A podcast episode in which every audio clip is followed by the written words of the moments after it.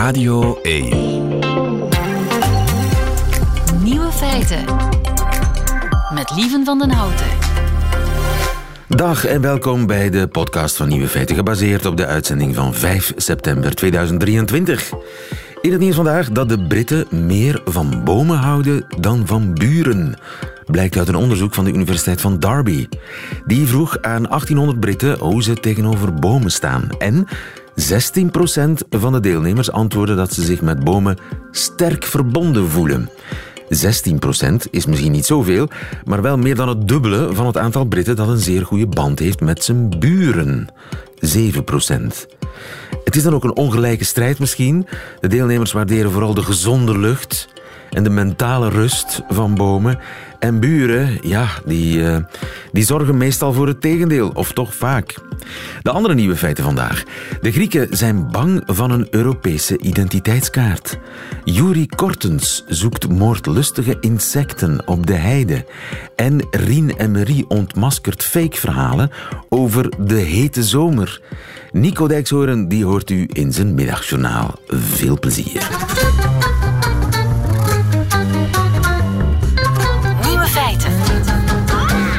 Wat u en ik al twintig jaar in onze portefeuille hebben zitten, daar zijn de meeste Grieken doodsbang van. Met name een elektronische identiteitskaart. Bruno Tersago, goedemiddag. Goedemiddag, lieve. Onze man in Griekenland. Uh, in Griekenland zijn de, zijn de branden nauwelijks geblust. Of er is een uh, angstpsychose en vooral een rush aan de gang op de laatste papieren identiteitskaarten. Ja, inderdaad. In uh, Griekenland heb je op dit moment nog steeds papieren identiteitskaarten die je eigenlijk vrij makkelijk kunt vervalsen. En de overheid heeft aangekondigd dat we dus gaan overschakelen naar het Europese formaat. Een uh, kaart zo groot als een kredietkaart. Ja, want nu hebben ze uh, nog altijd die dubbelgevouwen dikke papieren kaarten eigenlijk. Zoals ja, bij ons, uh, 20e eeuw, hè? dat is echt iets van de vorige ja, eeuw voor ons. Het, het, is eigenlijk van de vorige eeuw nog. Um, mijn vrouw heeft bijvoorbeeld nog zo'n uh, identiteitskaart en die heeft ze al meer dan 20 jaar. Um, maar het is, niet, het is geen papieren identiteitskaart. Ze is wel geplastificeerd. Maar die ah, ja. plastic begint wel stilaan los te okay. komen. En dan heb je dus ja, ezelsoortjes en dat soort dingen aan, aan de kaart. En het ziet er allemaal heel verouderd uit, inderdaad. En er is nu een soort um, rush aan de gang. Iedereen wil nog uh, van de laatste mogelijkheid gebruik maken om nog die ouderwetse ID-kaart te krijgen. Precies, er zijn een heel aantal Grieken die bang zijn van de nieuwe identiteitskaart en die geloven dat als je nu nog snel naar het politiebureau rent en je oude identiteitskaart laat vernieuwen, want je moet eigenlijk normaal gezien je kaart elke tien jaar laten vernieuwen, maar niemand doet dat hier, um, dat je dan uitstel krijgt en dat je dan niet meteen die nieuwe identiteitskaart krijgt, want die nieuwe identiteitskaart die zou des duivels kunnen zijn. Des duivels?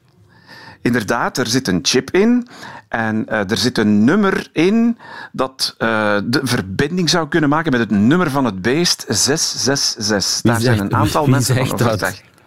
Er zijn mensen die daarvan overtuigd zijn. Er zijn mensen binnen de klerus, dus uh, priesters en, en, en monniken, die dat, uh, die dat ook zeggen. Sommigen zeggen dat vanaf de preekstoel. En gisteravond kwamen er al een aantal mensen op straat in de tweede grootste stad van Griekenland, in Thessaloniki. Um, en om te protesteren en om te zeggen: wij gaan nooit die nieuwe identiteitskaart gebruiken. Um, je zag in de optocht mensen van alle leeftijden uh, en dus ook heel veel um, religieuzen die met de tweekoppige arend van de orthodoxie ook stonden te zwaaien. Tegelijkertijd in Piraeus, hier bij mij om de hoek, was er een congres, een wetenschappelijk congres van een politieke partij, de partij Niki. Dus dat is uh, Niki van dezelfde naam als de, de, de sportschoenen, zeg maar. Ja. Dat is de godin van de, van de overwinning.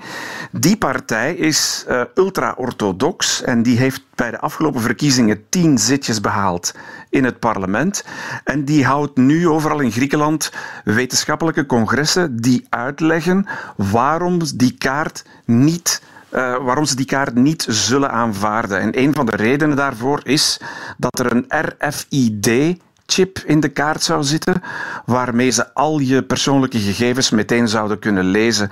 Uh, het is net alsof dat wat er gebeurt met, met betaalkaarten, zeg maar, van op afstand. Mhm. Ehm, dus een angst die, zo heb ik eh, gelezen bij de factcheck, uh, ook in België wel een keertje bestond. Maar hier heb je dus een politieke partij die daar pseudo-wetenschappelijke congressen rond organiseert om mensen dus uh, te informeren om die identiteitskaart, die nieuwe identiteitskaart, niet in gebruik te nemen. Ja, omdat er te veel persoonlijke informatie gecentraliseerd zou worden op die manier.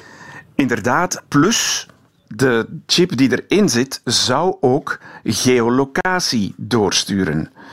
Ehm, allemaal heel grappig als je het bekijkt hoe mensen op dat congres zijn afgekomen. Ze zijn namelijk allemaal op de hoogte gebracht via social media, via hun smartphone, die eveneens geolocatiegegevens meegeeft. Um, maar dat wordt voor de gemakkelijkheid blijkbaar even vergeten als die uh, wetenschappelijke feiten naar boven komen. Ja.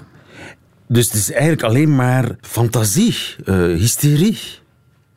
Ja, het, het, leeft bij mensen um, die ook niet bepaald gewonnen waren voor de, um, de vaccinatiecampagnes tegen COVID. Uh, dus je ziet een beetje een overlapping van, van het publiek daar. En ook nog eens een keertje overlapping van nogal vrij nationalistische mensen. Ook heel erg ultra-orthodoxen. Ja. En die uh, ultra-orthodoxen die uh, volgen de leer van uh, Pater Paisios. Pater Paisios. Pater Paisios, inderdaad. En Pater Paisios is een heilige. Hij is onlangs heilig verklaard. Hij is nog niet zo lang geleden gestorven. Een goede twintig jaar geleden is hij gestorven. En het was een pater die niet kon lezen of schrijven, die op de heilige Athosberg verbleef in een van de kloosters en van wie wordt gezegd dat hij de toekomst kon voorspellen. Oké. En zijn volgelingen uh, zeggen nu dat in de geschriften van Paisios, niet vergeten, ik heb net gezegd dat hij niet kon lezen of schrijven, dat in de geschriften van Paisios staat dat die nieuwe identiteitskaart ons gaat um, registreren of in een, zij noemen dat in het Grieks, in een envelop steken. Ze gaan ons klassificeren, zeg maar. En eh, daardoor gaan we een, een, een soort teken op ons krijgen. En dat teken dat zou ons wel eens kunnen verhinderen om later in de hemel te komen. Dus uh, Pater Paisios heeft de chipkaart voorspeld. Precies. Een goede, laten we zeggen 30 jaar geleden, had hij dat blijkbaar al voorspeld. Wauw. En dus ook dat speelt mee. Dat speelt mee, inderdaad. En, en die Paisios, het mag een beetje, ja, ik, ik zeg het misschien een beetje ironisch, maar um, die Paisios heeft een heel aantal volgelingen um, die uh, gekke dingen doen. Zoals een paar jaar geleden een, uh, een pantoffel van Paisios, een plastic pantoffel die hij heeft gedragen, gaan vereren als een reliquie. En ook een kastanje die hij ooit zou hebben gekookt. Die uh, werd ook vereerd in een, in een dorp nabij Trikala. Maar hebben we het nu over een, een heel marginaal fenomeen? Je hebt altijd mensen die ja, ergens nogal in, in overdrijven. Of is dat eigenlijk redelijk breed gedragen? Het, het, wordt vrij breed gedragen. Dus die, die naam Paisios die komt voortdurend naar boven. En, en, en zo vaak zelfs dat hij dus inderdaad door de Grieks-Orthodoxe Kerk heilig is verklaard. Zijn nicht uh, die is opgekomen met die politieke partij Niki, waar ik het daar net voor, uh, over had.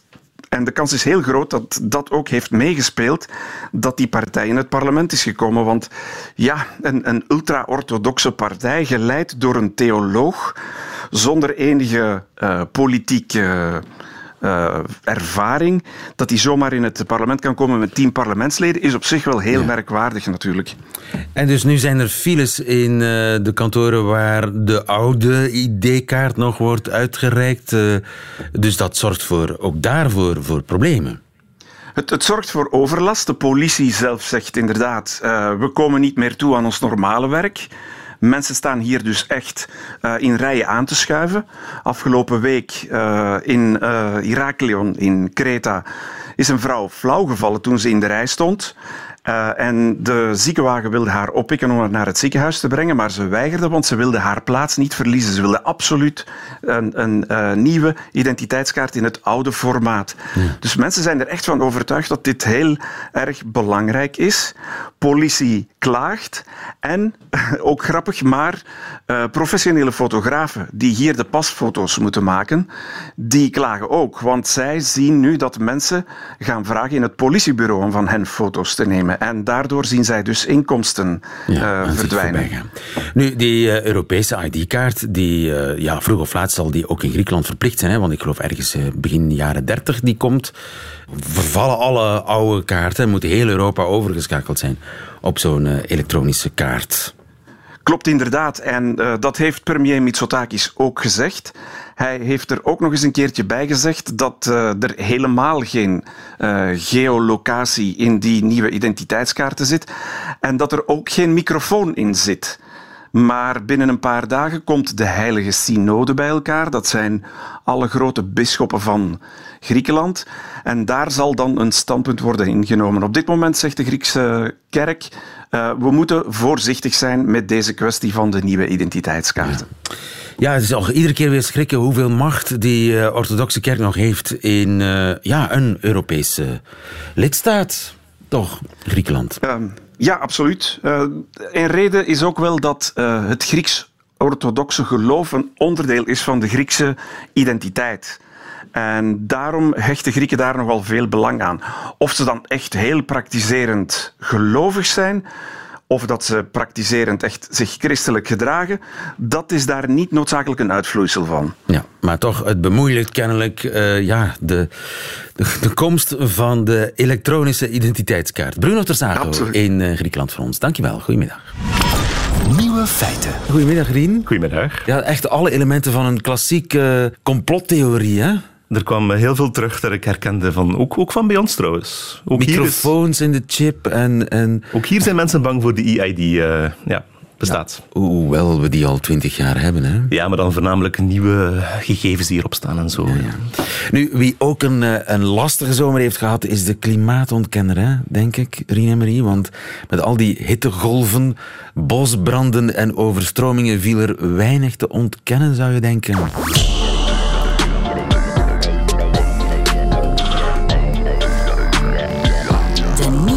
feitenchecker. Rine Emery, jij bent er om de, de feiten te checken, om het nieuws te checken. En ik heb via allerlei sociale kanalen, ik moet het toegeven, niet via de officiële nieuwsmedia, uh, toch een paar opvallende berichten over de klimaatopwarming -huh. en de hittegolven van de voorbije zomer en de bosbranden -huh. uh, gekregen. Zal ik er een paar, uh, vijf opvallende, heel opvallende, bijvoorbeeld eentje Um, heel opgemerkt deze zomer een tv-reportage uit Corsica. Ja. In de reportage sprak de journalist heel ernstig over temperaturen tot 42 graden. Uh -huh. En in de achtergrond was een apotheek te zien met, met zo'n ja, temperatuur. Uh -huh. Een thermometer die, die, ja, die dan naast enzovoort. En die gaf 32 graden aan. Ja, ja. Ik heb die ook gezien. Het was die journalist stond daar gewoon keihard te liegen. dat, dat, was, dat was het verhaal, inderdaad. Het was iemand die een, een foto had genomen met zijn smartphone van zijn televisiescherm, waar op dat moment net dat te zien was. Juist. En onderaan in beeld stond ook zo'n uh, zo'n lopend tekstje die zo zei van 42 graden gemeten in Corsica. Ja, ja. Wat was er aan de hand? Dit was heb jij het onderzocht? Ja, ik heb het onderzocht. Het was uh, C-News, een uh, Franse nieuwszender die zo 24 uur uh, per dag nieuws brengt. En ze hadden een reportagemaker gestuurd naar Corsica omdat er een hittegolf was. En die had de dag voordien gaan praten met mensen daar, inwoners en toeristen, over de effecten van die hittegolf. Dat was een reportage uit Bastia, aan de kust. S morgens. En het was daar toen 32 graden. Dat kwam in beeld tijdens die reportage. Die, die, die apotheek kwam toen in beeld. Um, wat gebeurt er de dag erna? Wordt er in het binnenland van Corsica, ergens naast een cementfabriek, een temperatuur gemeten van 42 graden. Een nieuw record daar in dat station. En um, dat brengt, dat brengt C-News als nieuws. En ondertussen laten ze wat archiefbeelden zien van de dag voordien En er stond ook linksbovenaan, stond er hier, gisteren. Yeah. Hier à Bastia. Natuurlijk, binnenland veel, matin. war- ja, wel ja, binnenland veel warmer dan eh, aan de kust. En ook natuurlijk het moment van de dag maakt een groot verschil.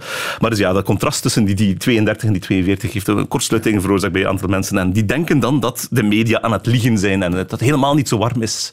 Maar die temperatuur van 42 graden werd wel degelijk opgetekend. Simpel, maar je moet het weten. Voilà.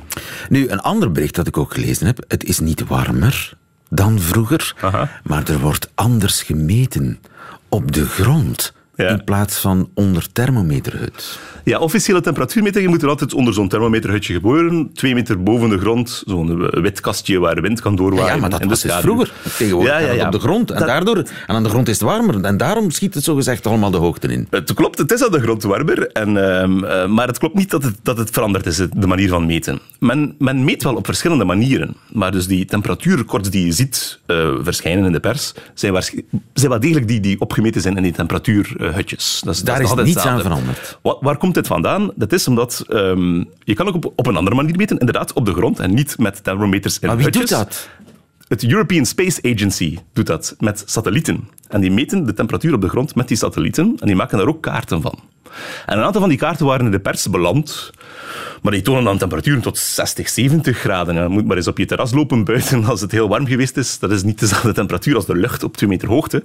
Eh, dus die, die, die kaarten waren wel verschenen in de pers, maar... En dat is echt slordigheid geweest. Dat is een slordigheid geweest, Of maar men, heeft, maar men heeft nooit beweerd natuurlijk dat dat, dat, dat dat de temperaturen waren die gemeten waren in die thermometerhut. Of, nee, dat is, daar, daar komt de verwarring vandaan. Het is opnieuw een verwarring. Ehm, Maar goed, er wordt dus niet standaard gemeten op de grond. nee, nee, helemaal niet. Er, er wordt nog altijd gemeten zoals vroeger. Als je nu een temperatuurrecord ziet dat gebroken wordt, is het nog altijd op dezelfde manier gemeten. En het is wat degelijk warmer geworden. Massamedia gebruiken tegenwoordig kaarten met fellere kleuren. Om de indruk te geven dat het warmer is. Maar vroeger was 30 graden groen en nu is 30 graden vuurrood. Die heb ik ook gezien. Die, is, die is heel veel gepasseerd deze zomer. Ehm, voorna- voornamelijk een kaart van Duitsland. Een kaart van Duitsland uit 2017, waar een aantal temperaturen op staan, ergens begin de 30 graden. Eh, vijf jaar later, 2022, is die kaart opeens rood geworden, plotseling. zo gezegd. Temperaturen zijn gebleven, de kaart Voilà, is rood dat, geworden. Dat, was de claim van, hey, opnieuw, hey, de, de pers probeert ons te beïnvloeden, ze proberen ons te, te doen alsof dat paniekzaaierij. Paniekzaaierij, ze proberen ons angst aan te jagen, eh, maar er is eigenlijk helemaal niks aan de hand. Dat is, dat is de claim. Die, maar als je dat opnieuw onderzoekt, dan merk je dat die kaartjes die met elkaar gecontrast- gecontrasteerd worden, dat die meestal ofwel van andere zenders zijn, waarbij dat de ene zender een groene achtergrond gebruikt en de andere een rode achtergrond om temperatuurkaarten te geven. Ofwel van dezelfde zender zijn, maar andere types kaarten zijn. Je kan een weertype kaart geven, waar dan zo ook een wolkje of een zonnetje bij staat, of, of weer en de temperatuur. Of je kan enkel een temperatuurkaart geven. Die, Met alleen maar kleuren. enkel kleuren. Ja. Ja, en die zijn natuurlijk roder als het warm is, maar die, meestal die kaarten met ook het weertype bij, die zijn groen. Dus, maar die worden... Blijven groen, wat Ja, en- de temperatuur ook mogen worden. Voilà. En als je gaat kijken in de historiek van die zenders, dan, dan blijkt dat ze altijd al diezelfde kleur van kaart gebruikt hebben. Ik heb zelfs kaarten gevonden met, van Armand Pin, van decennia geleden, waar voor een rode kaart staat. Dus eh, het is niet alsof dat dan een, een, eh, een manier is om ons psychologisch te beïnvloeden. Oké. Ja, nee. Bosbranden. Mhm. Bosbranden, het, eh, het waren er veel. Ja. Rodos bijvoorbeeld.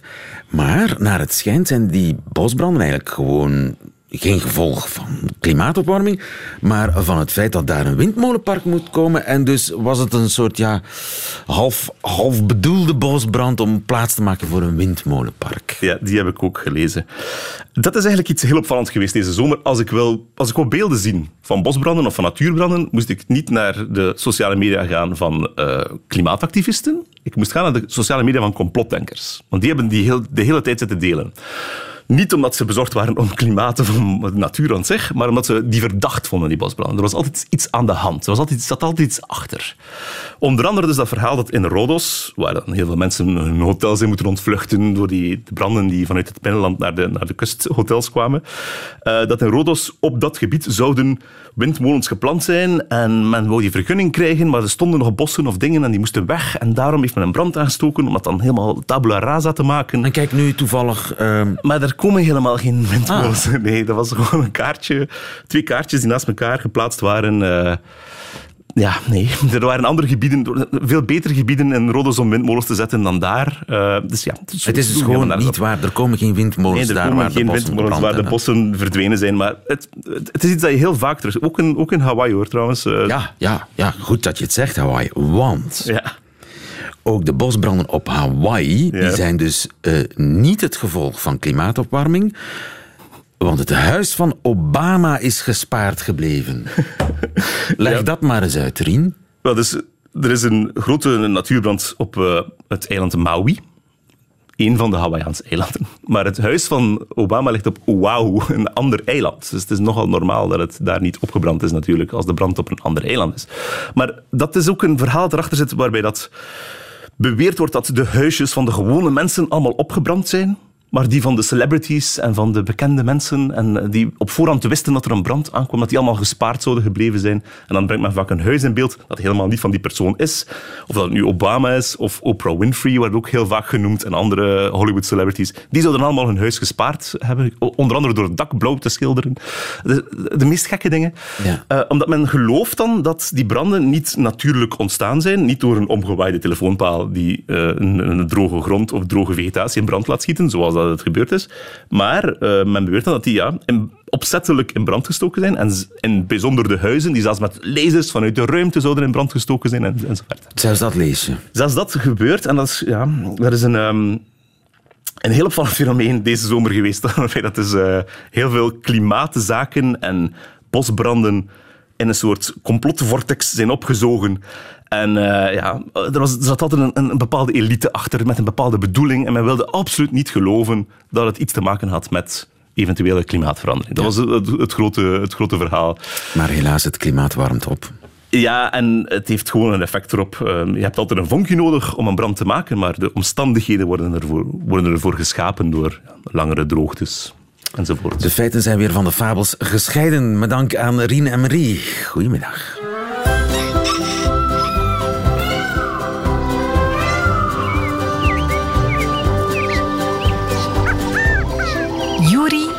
Buiten. Met Juri Kortens. We hebben hem naar buiten gestuurd, Juri Kortens. En onder een stralende nazomerzon is hij vertrokken. Ik weet niet waarheen. Juri Kortens, goedemiddag. Goedemiddag. Lesgever bij Natuurpunt. Waar ben jij, Juri? Ja, ik zit op de heide, lieven. De uh, heide, ik had het kunnen weten. In Herentals, de Heiberg. En die heide staat nu prachtig in bloei. En ik dacht, ik ga op zoek naar de gevaarlijkste dieren van de heide. Oh, jij bent op zoek ja. naar horrordieren. Zijn het grote of kleine horrordieren? Het, het zijn kleintjes. Het is uh, niet de wolf, alhoewel er een bijenwolf in voorkomt in het sprookje. Uh, maar ik sta hier nu eerst bij een, uh, een putje in de grond. Het lijkt een beetje alsof iemand met een Nordic walking stick even er in het zachte grand, zand heeft, heeft geprikt. Ik was het en niet. dan een klein beetje en dan een klein beetje rondgedraaid. Dus er is een trechtertje ontstaan en helemaal in, in dat trechtertje onderaan, daar zit een larve van een mierenleeuw. Een mierenleeuw, dat is een van die Ja. horror-insecten die jij eh, is- vandaag wil vinden. En je hebt er Ja, kennelijk dus één al gevonden, zo'n... Ja, ja, je vindt ze tegenwoordig redelijk veel. Ook op andere plekken in Vlaanderen. Ja, en, en het is de larve eigenlijk die er zo ehm, uitziet en die een beetje gevaarlijk is. Want de volwassen dieren die vliegen nu ook. En die lijken een beetje op een, eh, op een waterjuffer. Dus eigenlijk zien die er helemaal niet gevaarlijk uit. Kunnen niet bijten, kunnen niet steken. Eten zelfs niet tijdens hun volwassen leven. Maar de, de jonge dieren, ja, die zitten, zien er eigenlijk echt wel gevaarlijk uit. Die hebben gigantische kaken in vergelijking met hun lichaam. Die zijn bijna zo groot als, als hun lichaam. Hun lichaam, ja, moet je een beetje vergelijken met een, eh, een goede dikke krent, ongeveer. Hè, zo, zo mooi rond. En dan daar gigantische kaken vooraan. Eh, dat wil zeggen dat ze niet vooruit kan lopen, maar alleen maar achteruit twerkend in het zand gaat en zo kleine trechtervormige putjes maakt. En dat is een, een horror-insect in die zin, eh, een echte killer. Ja, het is een echte killer, want die putjes, dat is niet zomaar voor niks, want daar, uh, daar komen dan mieren voorbij. Het is ook een mierenleeuw. Mieren of andere insecten, die vallen, die schuiven in dat hele mulle zand. Het is echt zo duinzand, heel fijn. Die schuiven dan naar beneden. En als ze dan helemaal beneden in dat putje komen, dan klappen die kaken dicht. Uh, en dan, dan, dan zijn ze eraan voor de moeite natuurlijk. En ik Ah, heb ja. hier eventjes een grasprietje erbij gehaald. Ik dacht, ik ga ze Een even proberen, grasprietje? want soms, ja, ja, soms kan ik dat even nabootsen. Ja. En dan doe ik alsof ik een insect ben die aan de rand van het vangkuiltje een beetje probeert te krabbelen. En, en dan plots, dan zie je dat die, dat die mierenleeuw met zijn kaken nog zand opwerpt. Om dan op die manier ja, die andere te, helemaal te bedelven onder het zand, dat hij naar beneden wordt gesleept en dan in de kaken verdwijnt. Dus die mierenleeuw, die- verdwijnt die, die- in die- het mullenzand. Die bekogelt jouw grasprietje nu. Ja, ja, ja, die bekogelt. Ja, het is één of twee keer en dan weet hij van oei, het is toch maar een grasprietje of iets anders. Maar eh, die bekogelt dat letterlijk, die, die gooit daar zand over, zodat hij helemaal bedolven geraakt en, eh, en mee naar beneden wordt gesleept. En dan verdwijnt hij in het mullenzand. Het insect, het grasprietje niet, dat heb ik nog gewoon vast natuurlijk. Ja, en eh, jouw vinger heb je ook nog, want als ik dat hoor, die kaken... Ja, ze zijn, ze, zijn, ze zijn helemaal niet gevaarlijk voor mensen. Ze geraken Ah. niet door onze, door onze huid of zo. Eh, wat ik wel eens kan doen, ik ga eens even proberen. Ik heb een klein koffielepeltje bij. Het is koffietijd, dus ik ga eens even proberen. En wat ga je met die koffielepel doen? Wel, ik ga eens heel even graven, helemaal onderaan in dat putje met mijn koffielepeltje. Dat is Ja. handig. Ik gooi dat zand in mijn handpalm en daar zit dan inderdaad die kleine mierenleeuw in. Het is niet veel groter dan een rozijntje. Je hebt er nu in je palm met- zitten. Ja, ja, die zit nu in mijn handpalm en achterwaarts probeert hij dan eh, zich te verstoppen in het mulle zand dat daarin ligt. Maar eh, ik schud er een klein beetje mee en zo krijg ik hem te zien. Prachtige beestjes, die mierenleeuwen. Ja, maar geen lievertjes. eh, zeker niet Geen voor, ja. voor mieren. En Ja. zijn er nog andere killers waar jij op zoek naar bent vandaag? Eh, ja, zeker, want hier net twee meter, letterlijk twee meter verder, ik ga me een klein beetje verplaatsen, daar zie ik net in mijn ooghoek een, eh, een wesp voorbij vliegen, maar niet zomaar een wesp, een bijenwolf. Een En bijenwolf? die bijenwolf, ja, ja, ja, die is ongeveer zo groot als een eh, standaard terraswesp, laat het ons zo maar noemen. Iets groter. Eh, en die gaat op jacht naar honingbijen. En die heeft hier net een klein beetje verder een holtje gemaakt. Dat is ook zo wat, wat zand dat daar, dat daar eh, naar boven gehaald is. In de grond kan 30 tot, tot 30 centimeter tot bijna een meter diep zijn, die gang. En die heeft daar een, een, een kamer gemaakt waar ze honingbijen in verzamelt. En op die honingbijen legt ze dan eitjes. en de larven daarvan, die gaan, daar, die gaan daarvan eten. Dat- de die larven eten ze van de daar. bijenwolf Dat- oh ja. eet de honingbij. Dus een bijenwolf is een wesp. Ja, ja, ja, de bijenwolf is een wesp. En Die wolf bijen komt eet. natuurlijk van dat vervaarlijke eh, imago. Ze gaat bijen vangen. Heel Ah, ja. bijzonder, want ze gaat... eh, Ah, maar gaat- wacht, ze eet ze niet zelf. Ze, Ja. ze, ze voert ze aan haar eieren. Ja, ja, ja, ze voert ze aan haar, aan haar larven die achteraf gaan komen. Ze ziet die, ze ziet die meestal zelf nooit, die, eh, die nakomelingen, want ze, ze begraaft die en pas tegen volgend jaar komen die terug naar buiten. Maar eh, ze voert die letterlijk. En voor een mannelijke nakomeling zijn dat twee tot drie honingbijen die voldoende zijn. Eh, maar voor een vrouwelijke nakomeling heb je er toch wel drie tot zes nodig. Dus die eten veel meer, die vrouwtjes. En dat is wel logisch, want die moeten gewoon groter zijn. Die moeten groot genoeg zijn om een honingbij zelf te kunnen vangen en daar eh, hun eigen nageslacht mee te voeden. Ja. En die nesten waar ze die eieren leggen, waar ze die ja, lijken achterlaten voor hun eh, kroost, kan ik die... Die zitten heel goed ver- verstopt, of kan ik die zelf vinden? Mocht ik Nee, een, kan eh, die zelf. Je kan die hebben zelf in de redelijk makkelijk vinden. Ja, ja, ja, dat is echt heel makkelijk. Want ik, ik kom gewoon ergens gewandeld langs het pad. En, eh, en vlak naast het pad zie je zo van die hoopjes zand. Met dan ja, een gangetje daarin van ongeveer ja, een, een doorsnede van, laten we zeggen, een, een goed potlood dik. Eh, dus het valt, het valt wel meteen op. En de, de bijen zelf, of de bijenwolf zelf, die zie je ook regelmatig vliegen. Die gaat dan voor heidestruiken op zoek naar een honingbij. Het is niet gemakkelijk natuurlijk om die te vangen, want ze gaat daar naartoe, steekt die eerst zo snel mogelijk tussen het borststuk en het achterlijf, daar is een, een zwakke plek, draait hij dan op haar rug en gaat dan op de buik, daar zijn zo een paar uh, panzerplaten en probeert daartussen nog een paar steken te geven. Ze verdooft die, ze doodt die niet, uh, omdat die dan veel langer goed blijft. Dus als je die zou doden, ja, die larven, dat duurt een tijdje eer dat die, uh, eer dat die uitkomen. En dan zou die, dan zou die bederven die bij. Dus ze gaat die eigenlijk alleen maar verdoven. Die wordt dus letterlijk levend begraven. Maar niet vooraleer dat ze zelf daar eerst de, de honing, die die honing bij bij had, zelf voor zichzelf uit de honingmaag had geperst. Want die bijenwolf, ja, die moet regelmatig tanken, die moet veel energie binnenkrijgen. En dat doet ze dus met uh, ja, de honing van haar slachtoffers op te eten. Ja, een, een rozig zomerverhaaltje heb je niet hè, voor ons vandaag. nee, nee, nee, nee. nee. Het, is, het gebeurt, het speelt zich allemaal af op de heide. En uh, ja, er zijn ze wel een paar van die, uh, van die gruwelijke insecten, laat het al zomaar noemen. Ja, en, prachtig om en moet ik daarvoor speciaal naar de heide? Of uh, kan ik die ook... ja, ik woon in Gent. is daar, ja. vind ik dat soort lievertjes ook bij mij in de buurt? Ja, dat zou best wel kunnen. Dus die, die, die mierenleeuw in eerste instantie die is helemaal Vlaanderen aan het veroveren. Die kan je ook op andere plekken vinden. Zolang je maar ergens een beetje mulzand hebt. Dat kan uh, aan een bouwwerf zijn of zelfs in een zandbak bijvoorbeeld.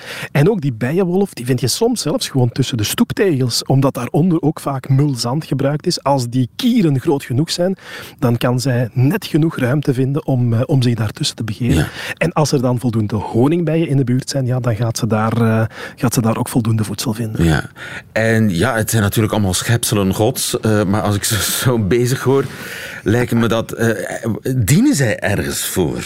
Hebben ze ze nodig? Ja. Ja, alle dieren dienen ergens voor. Allemaal. Uh, ook al, ook al uh, gaan we dat in eerste instantie niet. Ze zijn een van die schakeltjes in, uh, in de natuur, sowieso. En wij gaan altijd vaak proberen te zeggen van wat is nu het nut specifiek van die soort, vaak moeilijk te zeggen, maar het feit dat ze een van die schakeltjes zijn in heel dat netwerk van onderlinge relaties, dat is eigenlijk hun plek in de natuur. Dus uh, ja. ja, ze, zijn, ze zijn zeker wel, uh, wel belangrijk. Ja, en zie je daar nog een of andere enge tor lopen die... Uh... Ja, zeker. Uh, niet geen leeuw, maar ook geen, uh, geen wolf. Maar wel eentje die in zijn Engelse naam alvast uh, tiger heeft. Een tijger. Bij ons heet die gewoon de zandloopkever. En, en die zijn ook volop actief. En die zijn prachtig. De groene zandloopkever die heeft zo een, een smaragdgroen dekschild. Die ziet er echt uit als een juweeltje. Maar ze zijn razendsnel. Ze lopen op het hete zand. Het lijkt alsof ze hun pootjes gaan verbranden. 8 km per uur. 8 km per uur? Ja, dat lijkt niet veel, maar voor een kevertje van anderhalve centimeter is dat een ongelooflijke snelheid dat zij kunnen lopen.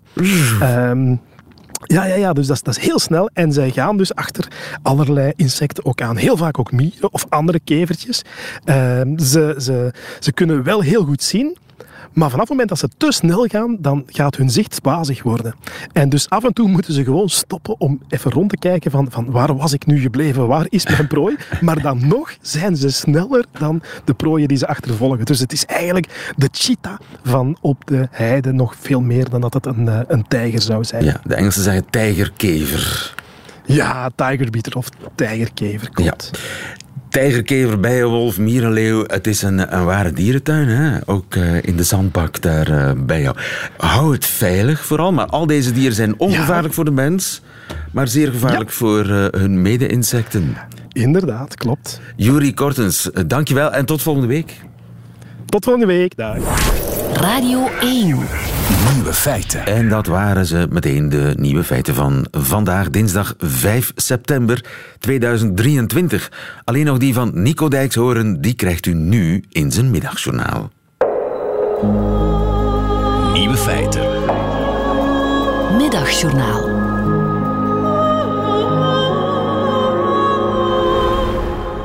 Beste luisteraars. Zaterdag mocht ik hier op deze zender tijdens de Lage Landenlijst bij acht verschillende Nederlandstalige liedjes een tekst voordragen. En daarin legde ik uit waarom ik zo dol was op het liedje waar we naar gingen luisteren. En twee dagen na de uitzending, en dat was vannacht dus, zat ik opeens rechtop in mijn bed. Ik had geen vrouwen gekozen. Uit de lijst met honderd liedjes had ik acht mannen gekozen. En daar heb ik vanochtend over na zitten denken. Ik heb de lijst nog eens doorgelezen en ik sta nog steeds achter mijn keuze. De kans bestaat nu echter wel, luisteraars, Dat ik door Radio 1 voortaan naar de randen van de nacht word verbannen. Zo zal ik voortaan worden aangekondigd als ik ergens voorlees. Dames en heren, hij schreef een nieuw boek en hij luistert niet naar zingende vrouwen, Nico Dijkshoeren. Ik sluit ook niet uit dat het op een boetedoening in het centrum van Gent gaat uitdraaien. Ik zal liedjes van Merel of Fleur moeten zingen terwijl ik mijzelf met een riem op mijn rug sla. Toch zit het mij niet helemaal lekker. Ik, een 63-jarige man, die meerdere keren per week met een bloem in zijn haar naar Taylor Swift luistert. Ik zal toch niet opeens bekend komen te staan als de man die vrouwen liever niet in het Nederlands hoort zingen? Bij Taylor Swift ligt ook meteen het antwoord. Ik houd blijkbaar van zangers, of dat nou mannen of vrouwen zijn, die verhalen verzinnen en die in hun teksten gretig in de huid van een ander kruipen.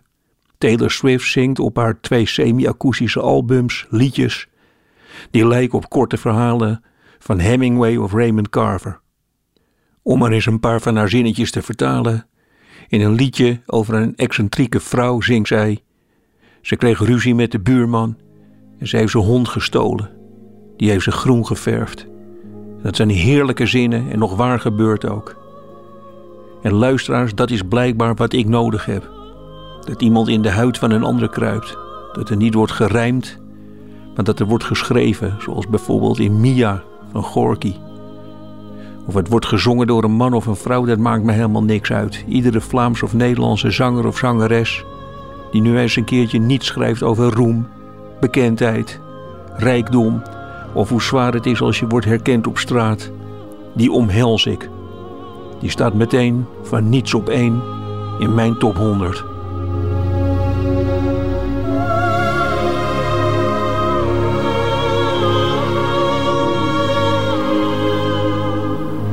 Nico Dijkshoorn probeert er een draai aan te geven in uh, zijn middagjournaal. Waarvoor dank. En Nico Dijkshoorn ook morgen weer in het middagjournaal. Als u liever de volledige nieuwe feiten hoort, met alles erop en eraan, de muziek erbij, dat kan natuurlijk live elke werkdag tussen 12 en 1 of on demand via de Radio 1 website of app. Tot een volgende keer.